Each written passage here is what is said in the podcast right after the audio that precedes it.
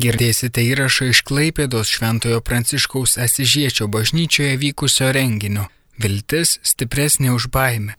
Renginyje dalyvavo broliai pranciškonai Juozapas ir Sigitas, taip pat Arūnas Vismantas ir atlikėjas Laimonas Urbikis. Garbėjai Zukristui dar kartą, mėly bičiuliai, draugai, viltis stipresnė už baimę. Apie kokią baimę mes dabar vėl tęsime pokalbį. Apie baimę būti savimi. Visas pasaulis yra sukaustytas pandemijos. Pandemijos baimė iš tikrųjų didelė o kaip mes jaučiamės jos akivaizdoje. Yra tokia kaip ir pamoka mums visiems. Nelaimės akivaizdoje tu galvoji, va, koks aš nelaimingas, aš dabar sergu, kodėl aš toks, kodėl man tai nutiko. Reiškia, kad ta nelaimė jau tave 50 procentų įveikia. O jeigu tu galvoji, kad o ką aš galėčiau išmokti iš šios nelaimės, jau tu esi 50 procentų įveikęs tą nelaimę. Kokia laikysena šitos pandemijos akivaizdoje turėtų būti mūsų krikščionių? Mokomės iš Kristaus, stebime, koks buvo Kristus. Prisimenate, netgi Kristus alyvų darželėje meldė ir prašė tėvą, kad šitą nelaimę taurė praeitų pro šalį. Dievas neišgirdo savo mylimojo sunaus prašymo. Šita pamoka labai svarbi mums. Praktiškai visas pasaulis, ne tik krikščioniškasis pasaulis, visi kreipiasi į Dievą, šaukėsi pagalbas.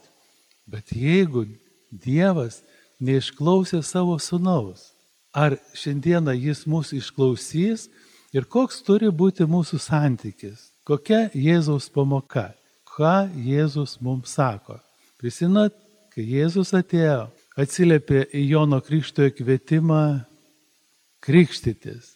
Jėzus atėjo prie Jordano upės, įbrido ir pasirodo virš Jėzus galvos plevenantis balandis ir garsas. Tu esi mano mylimasis sunus. Antrą kartą ant taboro kalno, Jėzus atsimaino, mokiniai išgirsta balsą. Šitas yra mano mylimasis sunus, jo klausykite. Reiškia, evangelistai mums perdoda žinę, kad Dievas visada yra su mumis. Jis visada mums padeda. Tik mums reikia neužmiršti to ir visą laiką jausti tą vienybę su Dievu. Nes Dievas yra su mumis. Ir Dievas šitoje nelaimėje mus įkvepia naujiems darbams. Mes turime tik atsiraityti rankovės ir toliau dirbti, galbūt su didesniu užsidegimu mes pasikvietėme ir mūsų brolį Juozapą Mariją. Ir aš norėčiau, kad jis, Jozai, tikrai labai noriu, kad papasakotum apie 11 Dievo įsakymą, kurį tu parsiveži, nulipdamas nuo Sinaus kalno. Iš ties istorija jau gal kai kam ir girdėta, tačiau man pačiam labai asmeniškai ir labai branginės metų pradžioje teko lankytis Sinajaus pusęsalį ir lipti į tą kalną kuriame sakoma Mozė užkopęs ir pasimeldęs gavo dešimt Dievo įsakymų. Jau vykstant tenais, tiesiog su draugais teko, kad jau kai sakyti, važiuoju, gal Dievas ir man duos dar kokį įsakymą, gal ne visus Mozė pajėgė panešti, vis tiek dešimt, netaip jau ir mažai. Egipte yra tas Sinajaus pusėsalis. Ir štai netikėtai pačiai tai vietoviai, jau važiuojant autobusu link to kalno papėdės pradeda lyt lietus. Na, Egipte lietus yra Dievo palaimo ženklas ir visi labai džiaugiasi, nes jis tikrai retai lyja. Tačiau palaipsniui tas lietus perėjo į šlapdribą, vėliau į pūgą, į ledinį vėją ir sniegą. Ir jau atvykus iš tiesų nemažai žmonių, kurie atvyksta ten įlipti tą kalną, sako, žinai, mes ten nelipsim, nes tikrai atrodo nesaugu ir, ir šalta, nepasiruošę esame. Atvažiavom kiti tiesiog basom kojam, atvažiavo žmonės, tikrai niekas negalvojo, kad bus tokie orai. Na, aš buvau iš savo draugų girdėjęs, kad naktis vėsios dykumoje, tai buvau apsirengęs truputį geriau, o ne. Atvykau lipti tą kalną, Dievo sutartas pasimatymas viršūnėje, reikia lipti. Na ir po truputį lipu Ir su kiekvienu žingsniu širdį toksai, na, ginčas su savim vyksta.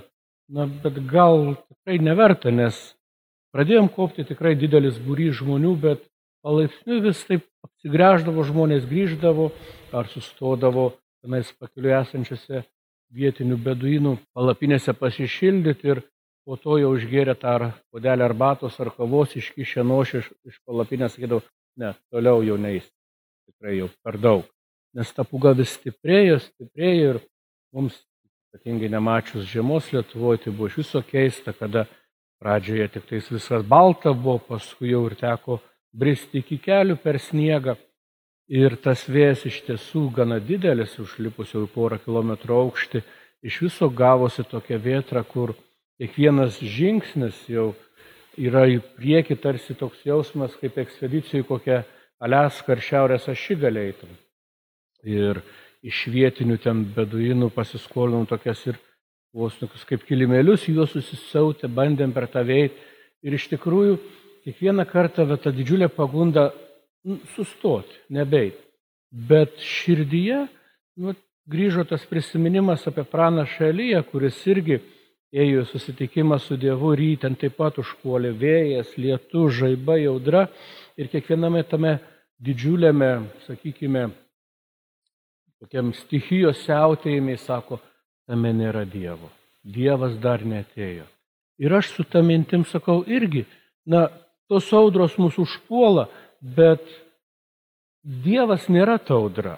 Audra kyla iš aplinkos, iš pasaulio, kuri mus bando išgazdinti, kur bando sustabdyti. Dievo tame siautėjime tikrai nėra. Ir štai užkopus į pačią viršūnę iš tiesų nuostaba, vėjas nurimo, ramu, tylu, balta aplinkui, pilna sniego ir didžiulė ramybė. Ir čia aš supratau, kad tame Dievas yra. Ir tas vienuoliktas įsakymas iš tiesų, kaip aš sakiau, tas Dievo būtent buvo ramybė, šalom. Dievas yra ramybės Dievas. Ir pagalvojau, kad iš tiesų visi dešimt kitų įsakymų, ar kiek jų ten bebūtų, jie neturi jokios prasmės, jeigu tavo gyvenime nėra ramybės. Kas iš to, kad tu tobulai laikysies kiekvieno įstatymos raidės, bet jeigu tai net neši tavo širdį ramybės, kažką netaip. Todėl ramybė yra kaip ta ženklas, kad esame viešpatės artumoje. Ir Jėzus iš tiesų iškeliaudamas ir palikdamas, grįždamas pas tėvą, sako, palieku jums ramybę, duodu jums savo ramybę. Ir ne taip ją duodu, kaip duoda pasaulis. Taigi iš Dievo ateinanti ramybė yra kažkas kita, yra kažkas daugiau, yra tai, kas perkeičia visą ir net neša džiaugsmą. Ir atsimenu, lipdamas jau žemyno to kalno, tiesiog, na, gėdojau, gėdojau giesmę savo širdį ir paskui garsiai, nes tuščia nuo kalno lipant, nebijok, aš tavo Dievas. Ta giesmė iš tikrųjų skambėjo, skambėjo širdį ir iš tikrųjų dabar kada susitinki žmonės, kartais išgazdintus, kartais na, nežinančius, kas toliau bus, sakai, nebijok, aš tavo Dievas, aš su tavimi. Turėk ramybę savo širdį. Šį vakarą taip pat su mumis Arūnas Vismantas. Ar, ir Arūnas aš taip apsidžiaugiau, pamatęs, kad tavo rankose odė džiaugsmui, kurią parašė Amžinatelisi mūsų draugė. Jurgos Ivanauskaitės knygą kažkaip o, pagrėbiau nuo stalo. Tikrai ne, ne, ne, negalvojau paskutiniu momentu atėjo šitą knygą į, į, į galvą, kad ją reikėtų pasimti šiandieną. Tai, ką jūs kalbat, vat, ir, ir laivas, ir, ir kopimas į, į viršūnę. Kas tai buvo, vat, kai norisi sustoti, nebelipti, kas tai uh, yra, kai, kai laivą meta į viršų, čia yra mirties baime, tiesa? Ir pandemijos mes bijom turbūt labiausiai, kodėl mes, mes nenorim prisileisti tos minties arčiau, kad esame mirtingi, turbūt taip. Ir aš taip galvoju, netgi toj pandemijos akivaizdoj, kiek daug pastangų mes, mes norim įdėti į tai, kad pamiršti, kad e, norim būti nemirtingi. Mes tiek daug jėgų dedam e, į kūniško čia gyvenimo pratesimą. Mes labai labai daug pastangų įdedam, tiesa. Taip. Ir aš dar vieną tokį dalyką pagalvojau. Kristaus visa istorija pasakojo irgi apie mirties baimės nugalėjimą, tiesa. Ir kiek daug ten visko pasikeičia ir apsiverčia. Gal dabar apmastykime patys tai, ką išgirdome vieni iš kitų, nes tikrai labai svarbu, kad mes pratestume pokalbį. Labai svarbu yra suprasti žodį gyvenimas ir mirtis, nes gyvenimas lietuvių kalboje yra gyvenimas. Na, mirtis, mirtis. Jono Evangelija buvo parašyta graikų kalba ir žodis gyvenimas graikams turi trejopą prasme. Bet, bet aš dabar kalbu apie patį yeah. gyvenimą. Man gyvenimas yra gyvenimas. O graikui gyvenimas dar, e, žiūrint, koks gyvenimas. Pavyzdžiui, ir jie turi terminą atitinkamai. Tarkim, Jėzus sako, kas neapkenčia savo gyvenimo. Nu, ką lietuvis pagalvoja, perskaitęs tą sakinį, kas neapkenčia gyvenimo, nevertas manęs. Tai palauk, Jėzau, kaip aš galiu neapkesti gyvenimo, jeigu gyvenimas yra Dievo dovana. Tai va, tai graikų, kal, graikų kalboje yra paaiškinimas. Taigi graikas, kada kalba apie egoistinį ego pasaulį, kuriame žmogus gyvena. Ego pasaulis tai yra tas, kuris siekia valdžios, garbės, pinigų. Tai yra tas mažasis ego pasaulis, ego gyvenimas. Tai Jėzus sako, kas neapkenčia šito psichės gyvenimo gyvenimas kaip psichė, ego. Po to kitas gyvenimas graikų yra bijos. Bijos gyvenimas tai mano biologinis gyvenimas, kūno gyvenimas nuo gimimo iki mirties. Tai dabar vėl mes galime sakyti, ar Jėzus atėjo tam, kad pratestų mano kiekybę gyvenimo, metus, kad aš gyvenčiau ilgiau kažkiek tai. Ir aš tikiu Jėzų, kad jis, reiškia, prates man gyvenimą, tarkim, dešimčia metų. Ir tada pratesim pensinį amžių dar. Taip. tai Jėzus ne dėl kiekybės mano metų atėjo į šį pasaulį, bet kad dėl kokybiško gyvenimo. Ir tada jau trečiasis terminas gyvenimui yra pas graikus - zoje. Tai tas amžinasis gyvenimas, kuris mani niekad neužgesta. Ir mes labai turime savo šventąjį Pranciškų, kuris Saulės gesmėm gėda, kad antroji mirtis net neštų tau blogio.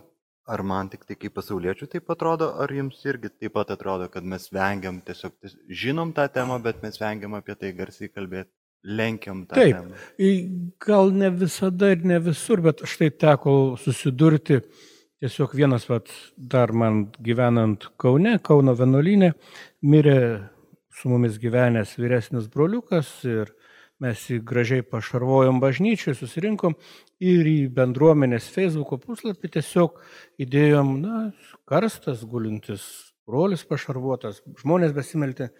Ir susilaukiau tikrai tokių iš motinų, grasinančių skambučių ir net žinučių, greit išimkite tą nuotrauką, nes mano vaikai, mano vaikai pamatys lavoną, ką jie pagalvos. Tai sakau, jie turi pagalvoti, jie turi pamatyti. Jeigu jūs bijot nuvesti savo vaikus į savo senelių, savo pačių tėvų laidotuvės, tai jie nesusidūrė su tuo dalyku, kaip jūs juos užauginsit, apie ką jūs jiems kalbėsit. Turi matyti, kad gyvenimas turi pradžią ir pabaigą. Tai žmogus irgi praranda tą suvokimą, kad mūsų gyvenimas yra baigtinis, o šventas raštas labai aiškiai sako, viešpatie išmokyk mane suskaičiuoti, kiek dienų yra mano amžiui, kad mano širdis išmintinga paliktų. Ir ta išmintis ypatingai stebima pas kritinius ligonius, kada mes ypat susiturėm su onkologiniais ligoniais, sako, man atėjo išmintis aš suvokiau, kad aš šioje žemėje nebūsiu amžinai ir kiekviena diena prisipildė saldybės, nes aš pradedu matyti, ką aš turiu ir aš man pradedu džiaugtis. Pradedu džiaugtis savo šeima, savo vaikais, savo bendruomenė ir man kiekviena diena įgavo spalvą ir skonį. Ir prasme. Tuo, ir bet, tuo tarpu viskas bet bėgo. Tuo prieš... pačiu vienintelis kelias į tai yra tik tai per, per šito kūno mirtį. Kito kelio į Anapus nėra. Taip. Ne? Pats Jėzus per tai perėjo. Ir, ir tas Taip, prisikelimas, aš... apie kurį kalbame, tai nėra to senojo netgi kūno prikelimas, nes jis jau kitoks. Mes skaitome, kad jis ateina, durim esant uždarytam, staiga atsiranda ir dinksta. Jis jau yra kitoks. Bet aš visada protestuoju ir, ir, ir kalbu, kad tas kitas amžinasis gyvenimas pagal Jėzų prasideda jau dabar. Jis jau vyksta. Jis dabar vyksta.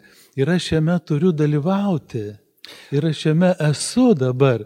Nes prisikelimas dabar įvyksta. Jeigu aš prisikelsiu, tai dabar aš prisikelsiu.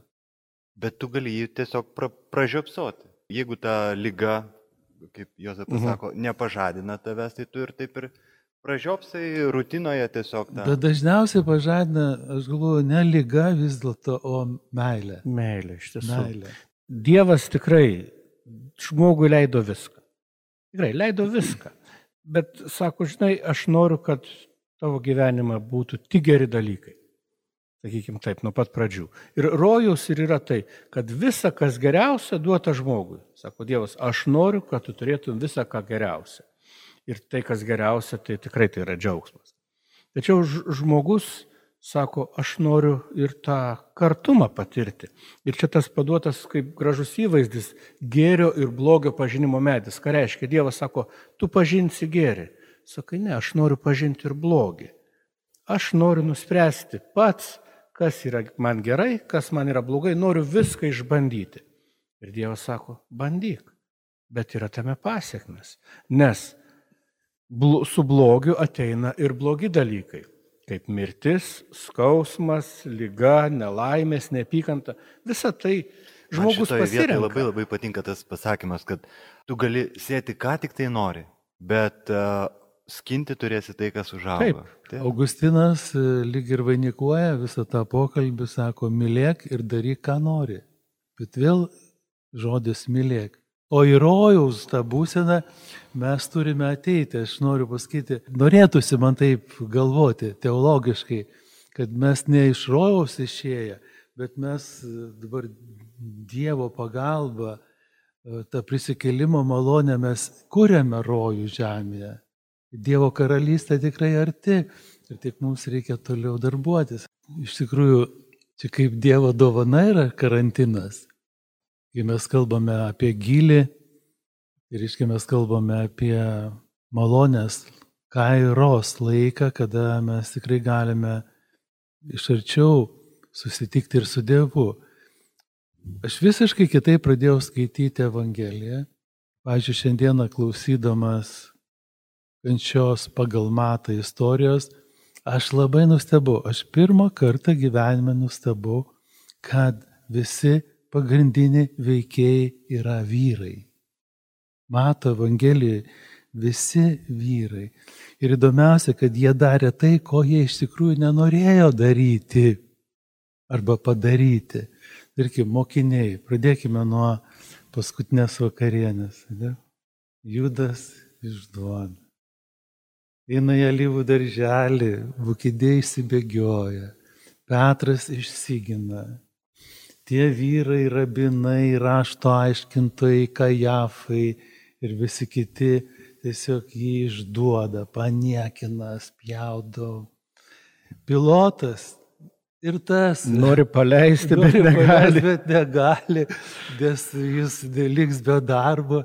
Ir tas O dar blogiau paskui po kelių netgi kirenietį priverčia nešti kryžių. Suprantat, vien vyrai. Po to jau Jėzų nukryžiuoja, ten kažkoks šimtininkas dar jį pribaigia. Duria į šoną ir Jėzus miršta. Vien vyrai ir dar tie netgi vienas iš kairės, iš dešinės ir tie dar veikėjai ir tie dar patys. Vienas keikia, kitas užsidirba savo žinai rojų. Įsivaizduojat, nu kas darosi, ne vien, bet čia yra mato evangelija. Bet grįžęs aš pamišiu į kambarį, atsiverčiau Jono evangeliją ir taip širdis atsigavo, o Jono evangelija moteris. Ir po kryžiumi prisimeni, moteris stovi. Taip, taip. Ir Veronika, ir Veronika, prisimenate, nors Evangelijai Veronikos nėra, bet kaip jinai augo į tradiciją. Iškai jinai nušlosto Jėzui veidą. Veronika netgi, kiek aš žinau, yra netgi prancūzijos globėja, ar de, fotografų globėja. Bet čia jau moteris veikia, visur moteris, ne? Dabar kalbėdamas galvoju, kad tikrai Dievo širdis yra moteriška, ar ne? Dievo širdis yra ta, kuri sugeba užjausti, išreikšti simpatiją, patiją, ne? Gal motiniška netgi. Motiniška, motiniška labai. Tai kaip gražu, man gal dar kokį Jo, klausimą, klausimą turi? turiu, klausimą Prašom. turiu. Jolanta rašo mum. Ar be kančios nėra meilės? Nu, meilė tai nebūtinai yra kančia. Bet jinai pakelia visą, kaip sako Va, labai būtent. gražiai. Ir- Himnas meilė, jinai visą pakelia, visą Ar įmanoma ištveria. išgyventi meilę nepatyrus kančios, ar ne? Tikriausiai ne. Tikriausiai neįmanoma, nes tu atveri savo širdį, ją padedi prieš kitą žmogų, prieš Dievą, prieš bet ką. Kitaip Ir ne, neišvengiamai tu Ar nusivilsi. kažkokio, um, ar tu gali patirti tą absoliučią meilę be kažkokio išbandymo, be, be, be sukrėtimo, be... Aš galvoju, kad pirmas išbandymas ateina iš tavęs paties, ne iš kitų, nes tu suvoki, kad tu galbūt negali mylėti taip, kaip norėtum. Tu pats pajunti, kad tavo meilė yra ribota, tu tarsi ją deklaruoji, bet einant laikui tavo meilė yra išbandoma, niekas tau nebus neįmanoma, jeigu tai darysi su meilė. Ir atvirkščiai, jeigu pataupysi meilę, jeigu darysi be meilės, viskas sugrius. Kiek tų pastangų beidėsi, viskas subirės kaip smėlis pro pirštus. Bet jeigu darysi su meilė, viskas bus tau įmanoma. Apie tai kalba Augustinas. Mylėk ir daryk, ką nori. Nes jeigu tu jau myli, tai gali drąsiai imtis bet kokio darbo. Jeigu nemyli, tai sako, jeigu Dievas nestato miesto, tai veltui statybininkai vargsta. Tai ta meilė iš tiesų kančia ateina, nes meilė reikalauja aukos. Aukos perlipti per save, atiduoti kitam save su pasitikėjimu. Jėzus, ar ne, tai yra Dievo meilė atėjusi žmonija ir ką žmogus daro su ta meilė, jis ją prikala prie kryžiaus. Ne? Bet nuo to Dievo meilė nesumažėja. Jėzus vis tik žengia į Jeruzalę. Ateina, žinodamas pilnai, kas jo laukia, bet meilė negali būti toli nuo mylimojo. Jis ateina, net žinodama, kad sužeis. Aš norėčiau dar vėl atskirti tas dvi meilės - vyrišką meilę ir moterišką, motinišką meilę. Ir vėl, jeigu grįžtame mes į kančios evangeliją, pagal Joną, mes vėl regime moteris, ar ne, kurios nepabūksta, kurios nepabėga, kurios pasilieka su Jėzumi iki galo. Vyras galvoja, ne? Jis šmasto, jis modeliuoja kažkokią tai ateitį, kažkur. O motinos meilė, ar ne, jinai, žiūrėkite, kaip jinai atleidžia vaikams už viską, ne ir vyrui atleidžia. Ir jinai, aš noriu pasakyti, kad, kad nebūtinai yra kančia, kur meilė. Aš noriu pasakyti, kad tikra meilė nepatiria kančios. Taip, nes mums iš šalies žiūrint, tai Mums- atrodo tai neįmanoma, nesuvokiama. Nes- Kaip myli šios ar ne vyrus savo alkoholikus visokius, kaip motinos myli savo vaikus kalėjimuose. Būtent. Nu, atrodo, turėtų šimtą kartų įsižadėti. Ne, myli. Ir mums Ir dėl atrodo, to kaip... nepatiria jokios kančios. Jo, mums Ne, atrodo, ne. kad jin turėtų tenais, nu, persiplėšti kušį. Ne, jai, jai nėra jokios kančios tame, jai džiaugsmas.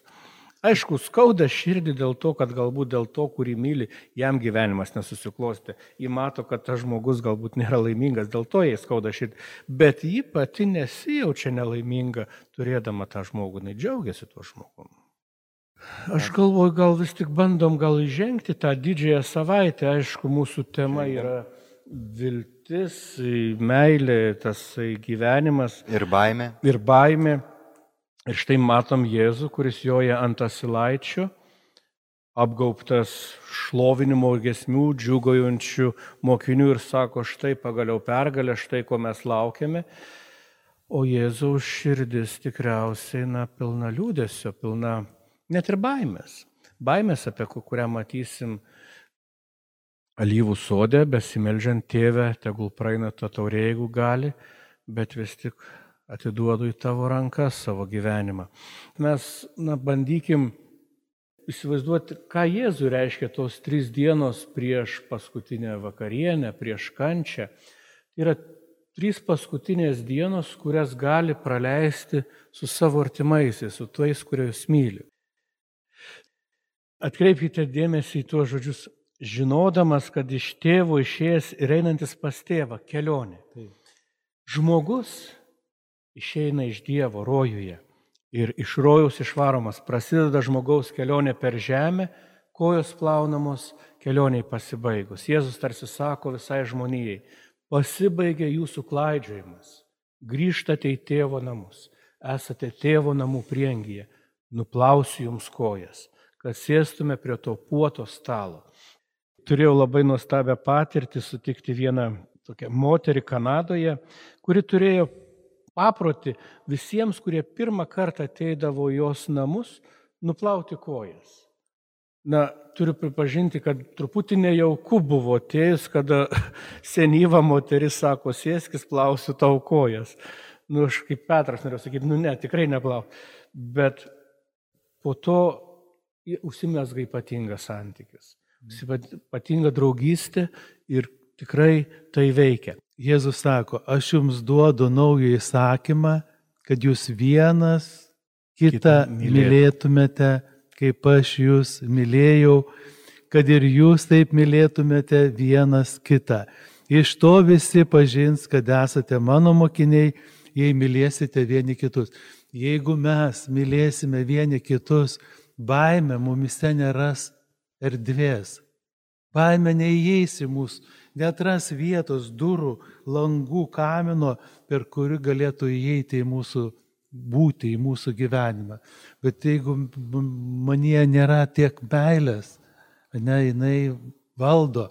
Ir noriu pasakyti, kad kryžius tai yra statinis, skersinis statinis, simbolizuoja Dievo meilę žmogui, o skersinis yra mūsų tarpusavę meilė.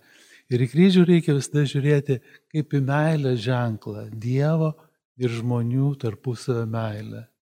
Ir pirmieji krikščionys, Jozapai prisimnegi, netgi kančios nevaizdavo, o dėdavo kažkokį kryžių. Tai brangakmenį. Ir, ir, taip, ir, ir kryžius, taip, taip, nu, ir net nuo senų laikų mes turime, vis tiek žmogaus sąmonėje buvo suvokimas, kad kryžius tas horizontas, susitinka iš tikrųjų dangus su žeme, susitinka. Ir tam susitikime kas suriša? Būtent Jėzus, kuris padaro įmanoma, kad susitiktų dangus ir žemė. Todėl kryžius, nors ir yra tas kančio ženklas, bet jis jau ir senuose, net ir mūsų baltiškuose suvokime tai buvo susitikimo ženklas. Tai yra vieta, kur vyksta ypatingas susitikimas dangus ir žemė toje vietoje susitiko. Ir mes turime daugybę gražių pasakų. Ir kur susitinka dangus ir žemė? Ten, kur meilė, ten, kur įvyksta susitaikymas, ten, kur apsikabinimas. Net ne viena pasaka gražiai pasibaigia, ne, kai susipykę broliai, pažiūrėjau, apsikabina, susitaiko ir sako, čia susitiko dangus ir žemė. Mhm. Tai va tas susitaikinimas, tas apkabinimas. Tai va tai pradžioje netgi, netgi kančios nebuvo ant kryžiaus, o būdavo kryžius pavaizduojamas, na taip, iškilmingas, turtingai, ar ne? Nes tai iš tikrųjų yra mūsų lydintis ženklas. Čia yra mūsų viltis, kad žmogus ir su Dievu yra sutaikytas per Kristaus meilę. Nes įsivaizduojat, Kristus taip save nužemino, kad leidusi nukryžiuojamas. Ir koks žmogus šiandieną norėtų ne, prarasti savo garbę vardant kito. O Jėzus, reiškia, tai padarė. Ne? Jis buvo aps, nuplaktas, apspjaudytas, nukryžiuotas, perdurtas. Nu, čia galima ir tą mistinę tokią plotmę šiek tiek įžengti, e, nes vėlgi kalbėjom apie tą žmogų, kuris nusprendžia iš, šalia gėrio įmaišyti į savo tą DNR, į savo būti ir tą blogį, gėrį ir blogį.